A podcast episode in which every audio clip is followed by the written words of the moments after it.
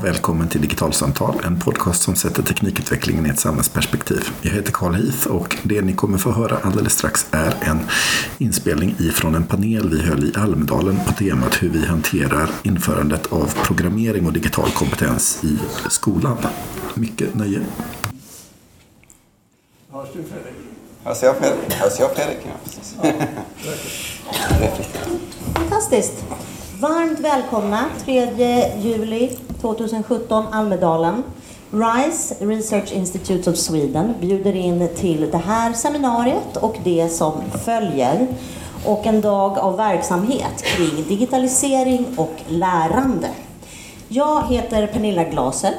Jag arbetar som metodutvecklare och processledare, Creative Research Force på RISE, bland annat med just digitalisering och lärande tillsammans med det områdets affärsutvecklingschef som sitter här och heter Carl Heath och snart ska berätta vad det är för någonting som vi håller på med där. Jag har en eh, panel här som ska samtala detta första seminarium med ett särskilt fokus kring klassrummet och vad som händer där inne och hur den enskilda läraren arbetar och förhåller sig. Och det ska vi göra en liten stund och sen ska ni få arbeta och dela med er, med er av den enorma kunskap som vi vet att ni besitter. Och sen kommer vi tillbaka hit och eh, fortsätter att prata med den här panelen. Så innan jag lämnar över ordet till dig och mikrofonen, Karl, så tänkte jag att jag helt enkelt presenterar er. Och eh, jag börjar här. Linda Manilla, forskare och eh, datavetenskapens didaktik pratade vi om att det, det är inte jätteenkelt att förstå exakt vad det är. Kan du säga vad, vad, vad det är för den som inte kan datavetenskapens didaktik bara på sina fem fingrar? Vad betyder det? Ja, alltså, Forska inom det. Ja, precis. Um, ja, termen är inte den bästa på svenska. Det är alltså Computer Science Education på, på engelska. Och I brist på bättre översättning så har det blivit datavetenskapens didaktik. Men det handlar alltså om hur man, hur man helt enkelt undervisar och undervisar inom de områden som handlar om datavetenskap eller då det som kanske vi pratar om mer då i skolan, digital kompetens och, och de frågor som kommer upp när man, när man undervisar i de ämnena. Just. Och du jobbar också ideellt, har en förening, har företag och många verksamheter där du arbetar med de här frågorna om förmedling, samverkan för eh, en tydlig, ett tydligare lärande kring digitalisering. Det kan vi komma tillbaka till. Sara Penje, utvecklingschef på Lidingö. Mm. Och eh, er förvaltning heter Kultur och lärande. Mm. Lärande och kultur. Lärande och kultur, ja. Mm. Det är kanske bra att ta det i den ordningen, Mm. av många anledningar. Och ni eh, jobbar med hela spannet förskola och Mm. upp till gymnasium. Mm. Så ni får verkligen fundera på, på alla håll. Anna Karlsson, välkommen hit. Eh, programansvarig för, på SKL för skolan, skolans digitalisering. Det stämmer. Och bredvid dig så har vi Fredrik Heinz.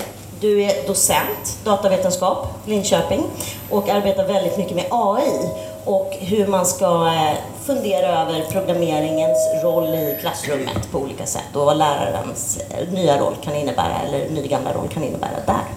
Välkomna allihopa. Karl, digitalisering och lärande i RISE, vad är det för någonting? Ja, precis.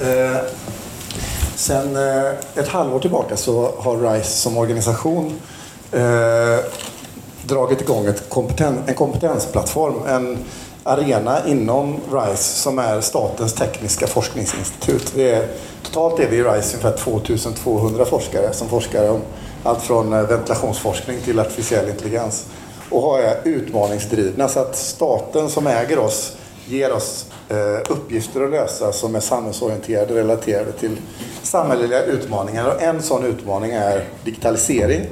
Och som vi i det här rummet alla vet så pågår ju ett stort arbete kring utbildningssektorns digitalisering och av det skälet så formar vi kunskap i samverkan med skolhuvudmän, näringslivet i de här frågorna. Och det vi just nu håller på att göra det är att skapa långsiktiga partnerskap med skolhuvudmän där vi jobbar tillsammans med tillämpad forskning eh, över lång tid eh, för att skapa bättre förutsättningar för lärande och skola. Och i rummet så har vi våra två första partnerskolhuvudmän. Det är Lidingö och det är Kungsbacka som jag har sett där också, som sitter där borta. Eh, så är man nyfiken på sånt så kan man också prata med dem. Så det är väl lite grann om det. Jag vill bara säga om formatet. Det står ju seminarier. Och eh, det här är tredje gången som vi gör det här formatet här. Eh, tredje året i rad där vi har ett seminarium där vi lurar alla lite.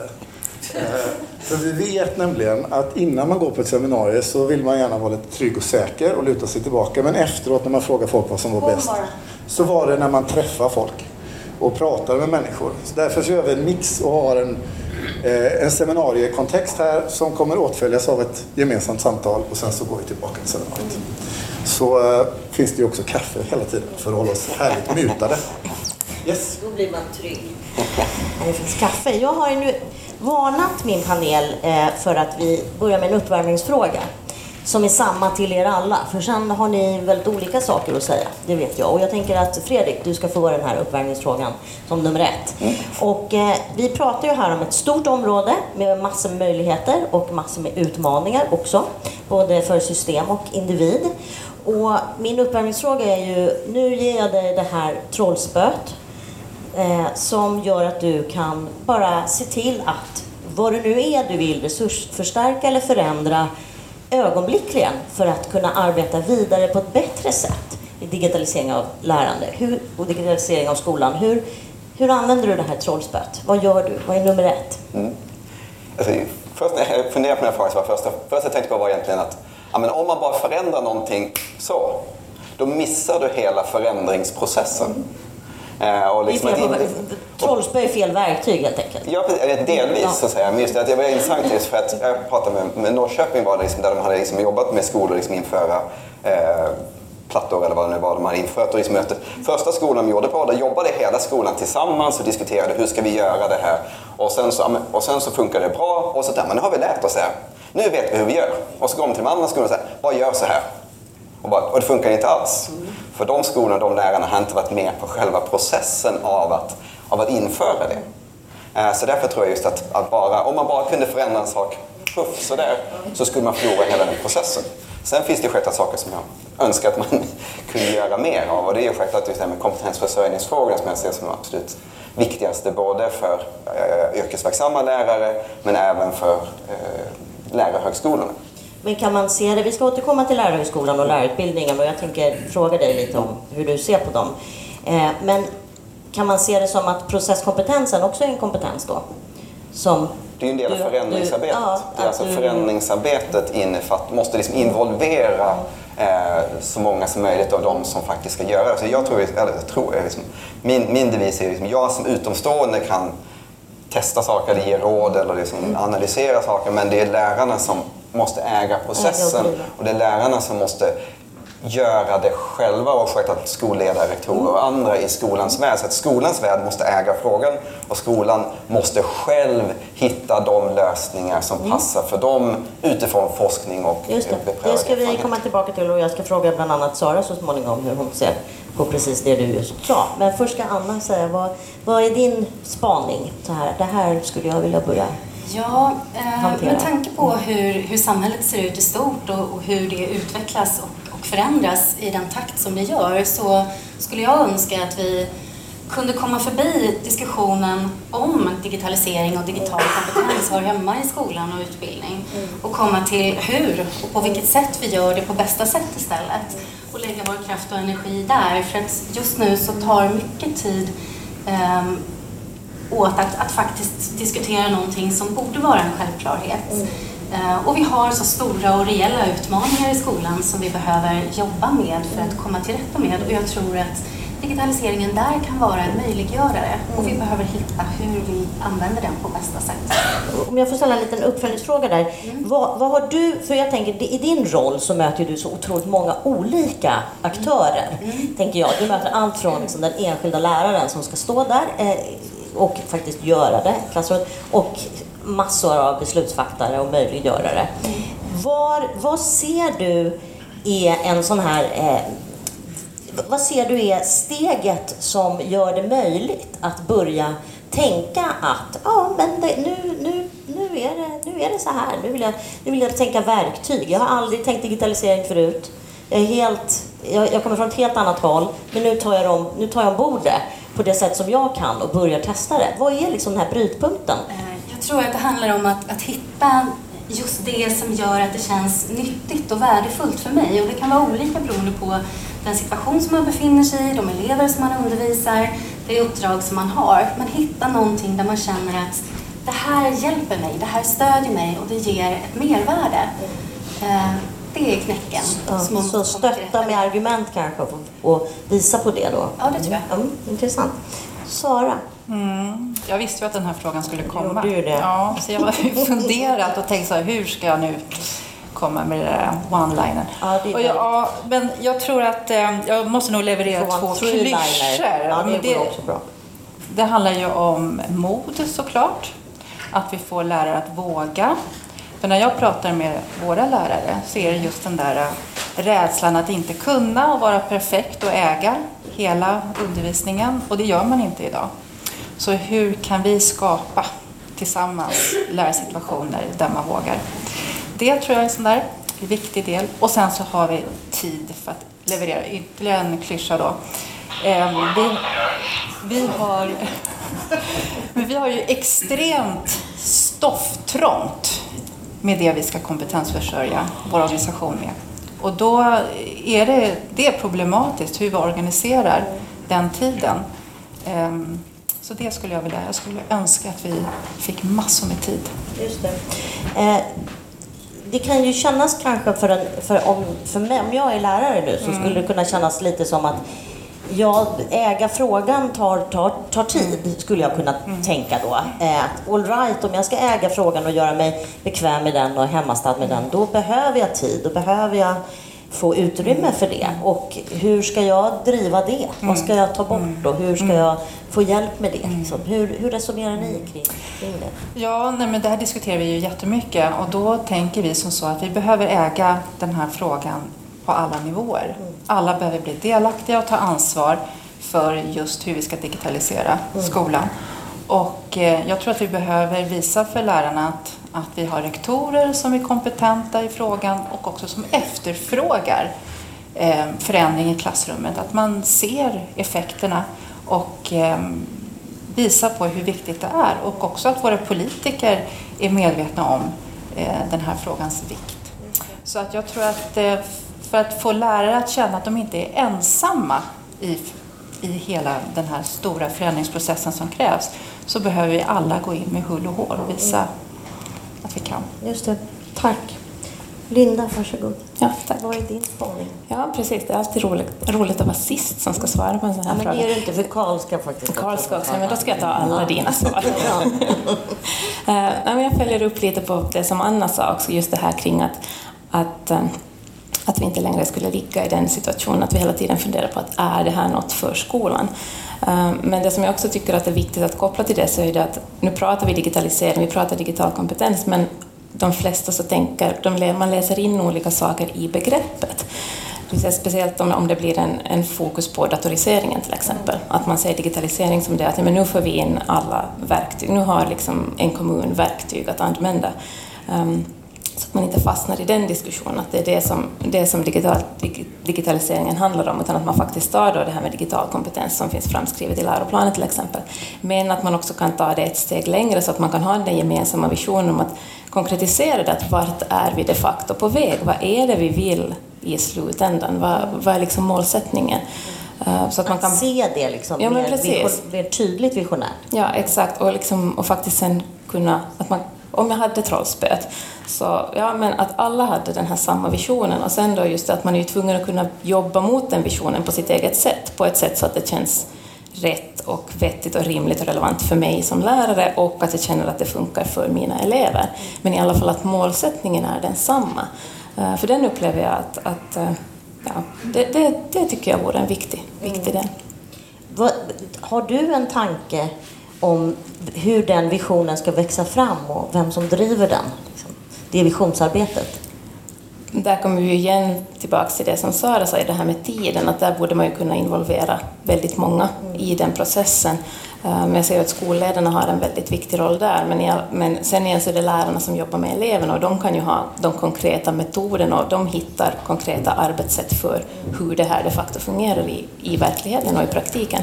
Eh, så just den här frågan kring tid, den, den vill jag också slå ett slag för där. Att, att, tyvärr är den ju sån att vi har bara 24 timmar, men på något sätt hitta, hitta sätt där också att ge tid till, till olika aktörer. Det kanske är en systemåtgärd som behövs.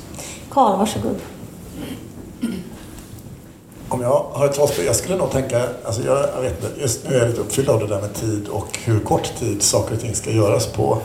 Eh, hösten 2018 har regeringen och Skolverket sagt att vi ska införa en ny kurs och läroplan som ska eh, faktiskt prövas mot Skolinspektionen då, för det är så det går till med all, alla kurs och läroplaner. Och tittar man i den så innebär det till exempel att matematiklärare ska kunna jobba i flera programspråksmiljöer eh, som inte är blockprogrammering i hela landet. Eh, och det innebär att samhällskunskapslärare ska kunna förklara hur algoritmer eh, förhåller sig till individer i en samhällskontext och påverkar marknader och sådär om man läser nya kurs. Alltså det är ganska stora saker i många ämnen och det är ett år bort.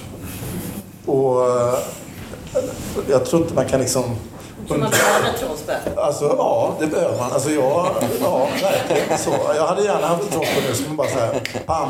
Och så kan alla mattelärare och tekniklärare och samhällskunskapslärare och så vidare.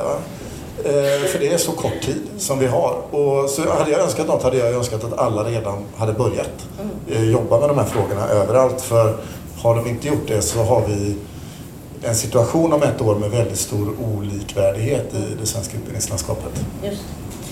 Tack. Eh, vi ska eh, gå in lite grann på, jag skulle vilja, jag är på väg till dig Anna, bara så att du vet, okay. med en fråga om just det här med kompetensförsörjning. Ja. Hur ska det gå till liksom? Vem, hur, hur ska det rent faktiskt gå till att lära sig om detta och vem ska förse den enskilda läraren med den här kompetensen. Det är det, det slutgiltiga svaret naturligtvis. Men jag börjar tillbaka hos dig Linda, för jag vill mm. fråga dig lite om det här med vilka som behöver samarbeta för att det ska fungera. Och om vi nu också har brådska. Vilka mm. måste liksom komma samman för att läraren ska kunna få utrymme att göra det som hen ska göra? Och nu tänker vi då en, ja, liksom ja, i det... Ja, i ett större, större perspektiv. Precis, men det är vad som står i läroplanen. Hur får vi det att fungera? Um, ja, då kommer vi tillbaka till lärarutbildningarna igen mm. uh, och universiteten överlag, för att det är ju där som nu kanske kompetensen kring det nya finns. Det är ju, uh, man kan inte utgå ifrån att lärarna har, besitter den kompetensen eller den kunskapen, så där behöver vi ha de som besitter ämneskompetensen, de måste ju finnas med i den här diskussionen upplever jag. Um, lärarna, de är ju liksom, spindeln i väven så att säga. Det är de som, som sen ska förverkliga det i praktiken, så de har ju en väldigt, väldigt viktig roll där. Um, skolledarna likaså, i och med att de möjliggör för lärarna att faktiskt jobba med det. Um, och sen tycker jag också att det vore bra att ha med eleverna uh, för att också få in deras perspektiv. Har du liksom en idé om, eller ett exempel på så här, det här är ett, en typ av samarbete rent konkret mm. som har testats eller som, du, som skulle kunna testas som skulle hjälpa till att få det här att ske. Mm. Eh, ett projekt i Finland som jag jobbar med som heter Proffs, programmering för förskola och skola, så där har vi jobbat så att jag har då representerat ämneskompetensen om vi säger som så. Eh, så jag har haft lärare i olika kommuner som då tillsammans med mig har suttit och funderat helt enkelt på hur, hur kan vi jobba med programmering i biologi på årskurs 3 till exempel. Eh, och då kan jag ta in, då kan jag liksom förklara programmeringens andelar. Vad kan man ta in programmering om man pratar fotosyntesen till exempel? På vilket vis kan vi få in programmering där? Och de kan förklara fotosyntesen på ett sådant sätt att vi sen tillsammans kan bygga en, en lektionsplan till exempel, eller en aktivitet eller någon slags helhet där man då faktiskt jobbar kring ämnet men samtidigt också då tar in programmering så att det inte blir något som, som man så att säga säger att vi har biologi så har vi tre kapitel och fjärde kapitlet blir programmering. För det, det känns ju väldigt lösryckt, det känns väldigt krystat. Nej, precis. Nej. Så att hur kan vi få in det, det. i ämnena? Och då behöver man jobba igenom det i ja, tvärdisciplinära grupper ja, och sammanhang. Mm. Varsågod Anna. Kompetensförsörjning är ett ord som liksom kommer upp hela tiden i de här sammanhangen. vad ser du, vilka, vilka kompetenser behöver vi prioritera och hur ska vi tillgodose dem? Och börja jobba med de här volymerna som det också handlar om. Ja, um, det var många frågor i ett ja, där, måste jag säga. Um, vi kan väl börja med att säga att det är, det är ju huvudmannen som är ansvarig för utbildningen och att man faktiskt lever upp till de krav som styrdokumenten föreskriver och som även då kommer att kunna prövas mot Skolinspektionen som Karl säger.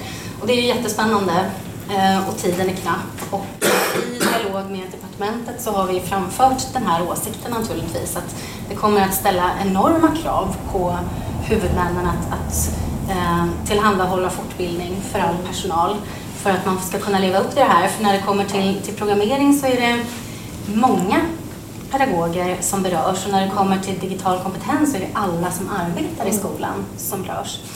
Eh, I de svar som vi har fått ifrån departementet så säger de att de utbildningar som Skolverket tar fram nu inom ramen för skolutvecklingsprogrammen och som läggs ut på, på deras lärportal de ska täcka det faktiska kompetensutvecklingsbehovet. Som huvudman ska man inte behöva köpa in extern utbildning ifrån utbildningsleverantörer och, så vidare, utan det material som finns där ska täcka. Men huvudmannen har ju ett enormt ansvar att organisera och skapa tid och förutsättningar för det kollegiala lärandet och tiden är... Finns det, finns det ett stöd för det som är tillräckligt? Liksom? Än så länge så gör det ju inte det. Och vi ska ju också säga att än så länge så finns ju inte allt material där. När det kommer just till programmeringsbiten så är ju inte de delarna uppe på lärportalen än. Så vi vet ju inte vad de kommer att, hur det kommer att täcka. Sen tror vi ju att det, det kommer ju inte att räcka heller. Vi förespråkar att det måste finnas högskoleutbildningar för pedagoger också, någon form av uppdragsutbildning eller liknande som, som gör att man faktiskt får akademisk utbildning när det kommer till programmering. Mm. Men, så man kan bygga på, fortsätta sin resa hela tiden. Precis. Mm. Uh, och snabbt då svara på din fråga om, mm. om, prioritering så är det också jättesvårt därför att olika skolor har kommit olika långt. Olika lärare har kommit olika långt. Många har påbörjat sin resa för länge sedan. Uh, där jag själv har jobbat som lärare under väldigt många år uh, började vi jobba aktivt med digital kompetensutveckling av all personal för 17 år sedan. och ibland så får vi telefonsamtal från, från kommuner till SKL och de säger att hej, vi skulle behöva lite stöd. Vi hade tänkt att vi ska börja påbörja skolans digitalisering idag. Mm. Och det är klart att då har man ju olika utgångslägen. Mm. Och för att stötta här så eh, har vi lämnat ut ett, ett förslag eh, och crowdfundat och faktiskt fått in tillräckligt mycket medel för att kunna utveckla ett lika-verktyg för pedagoger. Mm. Ehm, jag vet inte om, om ni känner till lika IT-tempen för skola och förskola som man som rektor kan använda för att ta tempen på sin skolas mognad. Och nu kommer vi till hösten och börjar på, ehm, börja ett arbete med att man som lärare ska kunna se sin egen digitala mognad eh, och sen få stöd och hjälp att kompetensutveckla utifrån det. Då vet man också vad man ska be om. Ja, för på något sätt så kanske man måste ta allt i en progression. Ja, så mm. är det förstås. Sara, mm. skulle gärna vilja höra dina tankar om det här med kompetens och sen kommer jag komma bort och fråga dig lite om med lärarutbildningen och vad den är och kanske vad den kommer att bli om du får, får eh, som du önskar, som det kanske behövs. Men Sara, kompetensförsörjning. Mm. Jag lägger till det här perspektivet. Låt säga jag är en lärare, jag är en jättebra lärare. Jag är en fantastisk lärare.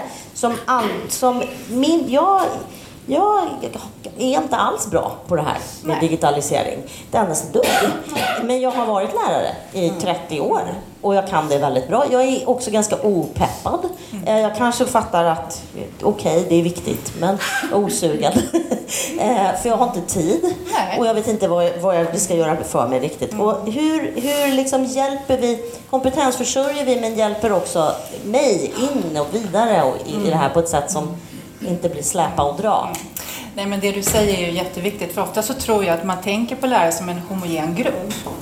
Att nu ska vi kompetensförsörja alla lärare. Så tror jag att vi måste tänka lite på ett annat sätt. Att vi tänker att vi lär på olika sätt och då är det ju min roll som eh, representant för huvudman att eh, skapa olika lärmiljöer. För nu har vi ett år på oss och då gäller det nu att hitta så många olika sätt där vi erbjuder allt ifrån inspirationsföreläsningar till workshops till eh, att vi gör studiebesök och så vidare. För vi lär oss på helt olika sätt. Så att den läraren som du pratar om kanske vi inte ska skicka till eh, BET till exempel, utan vi kanske ska hitta något annat sätt som den läraren behöver. Men sen så tror jag också, man pratar väldigt mycket om huvudmannens ansvar. Det är klart att vi har ett jätteansvar. Men sen behöver vi också få med rektorerna i detta ansvar. För det är de som är de pedagogiska ledarna och det är de som ska driva utvecklingsarbetet på skolorna.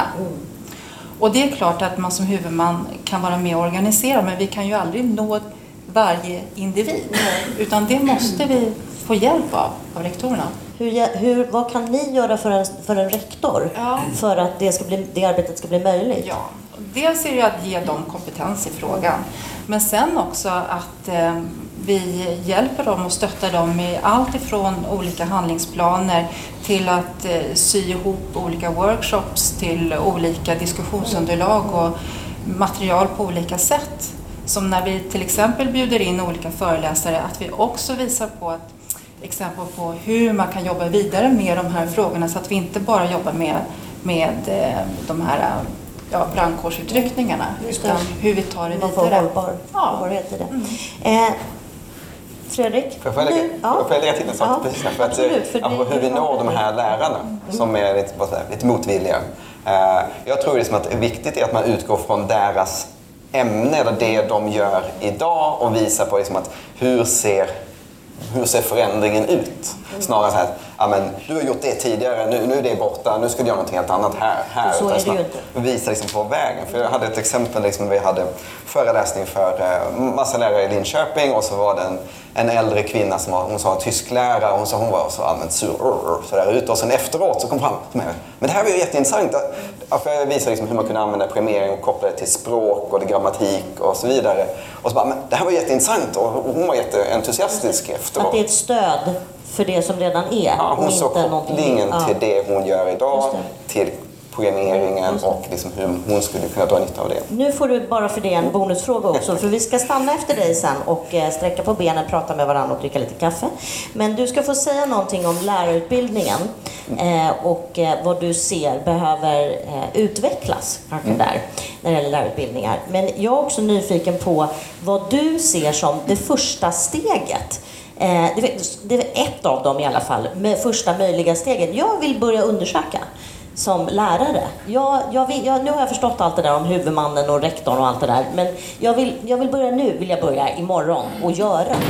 Eh, vad, vad, kan du, vad kan du hjälpa mig att börja göra då? Så två frågor. Mm. Lärarutbildning och vad kan jag börja göra? Ja. Ja, men när det gäller lärarutbildningen så, så upplever jag att där går det väldigt långsamt om man säger så. Och att, eh, det finns väldigt lite driv därifrån att ta tag i de här sakerna. Men vi utvecklar nya kurser, vi förändrar våra inlägg och så vidare och att eh, vi vill vara först. Jag upplever att, jag kommer ju då från ämnes, datavetenskapliga ämnesområdet och liksom vi har jobbat med det här ett antal år. Eh, och liksom sen har vi försökt, att nu vill vi prata med lärarutbildningen. vi har ju lärarutbildning i Linköping till exempel och så pratar man om ja, men, kan inte vi göra någonting tillsammans? Och så bara, nej det går inte. Ja, vi har det har så många olika in, inriktningar, det är fullt och liksom att jag, man, är, man är positiv. Man säger ja men det är viktigt, men, men. Och så kommer man massor med men. Vanligtvis liksom, finns det inte tid, det finns inte utrymme och så vidare. Eh, så jag upplever att där går det väldigt, väldigt trögt. Eh, och, eh, så jag skulle väldigt gärna se att det fanns ett samarbete mellan säg, datavetenskap och lärarutbildningen att tillsammans hitta de här kurserna som behövs och kanske även eh, tillföra saker till existerande kurser på, på lärarutbildningarna så att man faktiskt kan vara, ligga före. För idag upplever jag liksom, när du kommer ut från lärarutbildningen så ligger du snarare efter de lärare som är eh, yrkesverksamma snarare än att du ligger före. Mm. Så man skulle kunna tänka sig när det gäller liksom, ny utveckling så borde ju universiteten ligga före, inte efter. Mm. Och vad ska jag börja med om jag är lärare och vill börja imorgon? Mm. Nej, men liksom, det finns ju massor med vettigt material. Liksom. Om man vill, man vill läsa programmering så finns det code.org som finns. I Sverige finns ju kodboken.se som Kodcentrum har tagit fram. Eh, så just det här med liksom, tillgång till enkla övningar och tillgång till liksom, lite sådana här mer steg för steg tutorials liknande. Det finns det ju ganska gott om. Eh, jag tror det som är utmaningen är ju liksom att för det första är det svårt att komma igång. Sen så ofta, det, jag upplever är att det är relativt lätt att komma igång, göra de här enkla sakerna och sen kanske ett halvår, ett år senare så man, men, nu, har, nu har jag gjort det här. Man känner att men jag kan det här. vad är nästa steg efter det? Och där finns det ingen som riktigt är med idag? Nej, precis. Jag upplever att det, finns, det är väldigt mycket fokus på att nu tar vi de som inte kan någonting till att kunna lite grann. Och samma sak i skolans värld. Jag tror liksom, säg, lågstadie, mellanstadie, där finns det väldigt mycket material att komma igång. Men sen kommer upp till, till högstadiet och då är, det, då är det mycket större utmaning. Och samma sak för gäller utbildnings och kompetensutveckling. Med detta är dagens podcast slut. Surfa gärna iväg till vår Facebook-sida och gilla den. Digitalsamtal heter vi där. Och är det så att ni vill föra samtalen vidare finns vi också i Facebookgruppen Digital samhällskunskap där vi ihop med över 4000 andra diskuterar ämnen av denna karaktär. Hör gärna av er till oss om ni vill ha en fråga besvarad och då finns vi på Twitter på digitalsamtal. Och är det så att ni prenumererar på oss i någon poddspelare så får gärna gå in och recensera och betygsätta så att fler hittar till oss och vi får möjlighet att nå många fler. Men till nästa gång, hej då!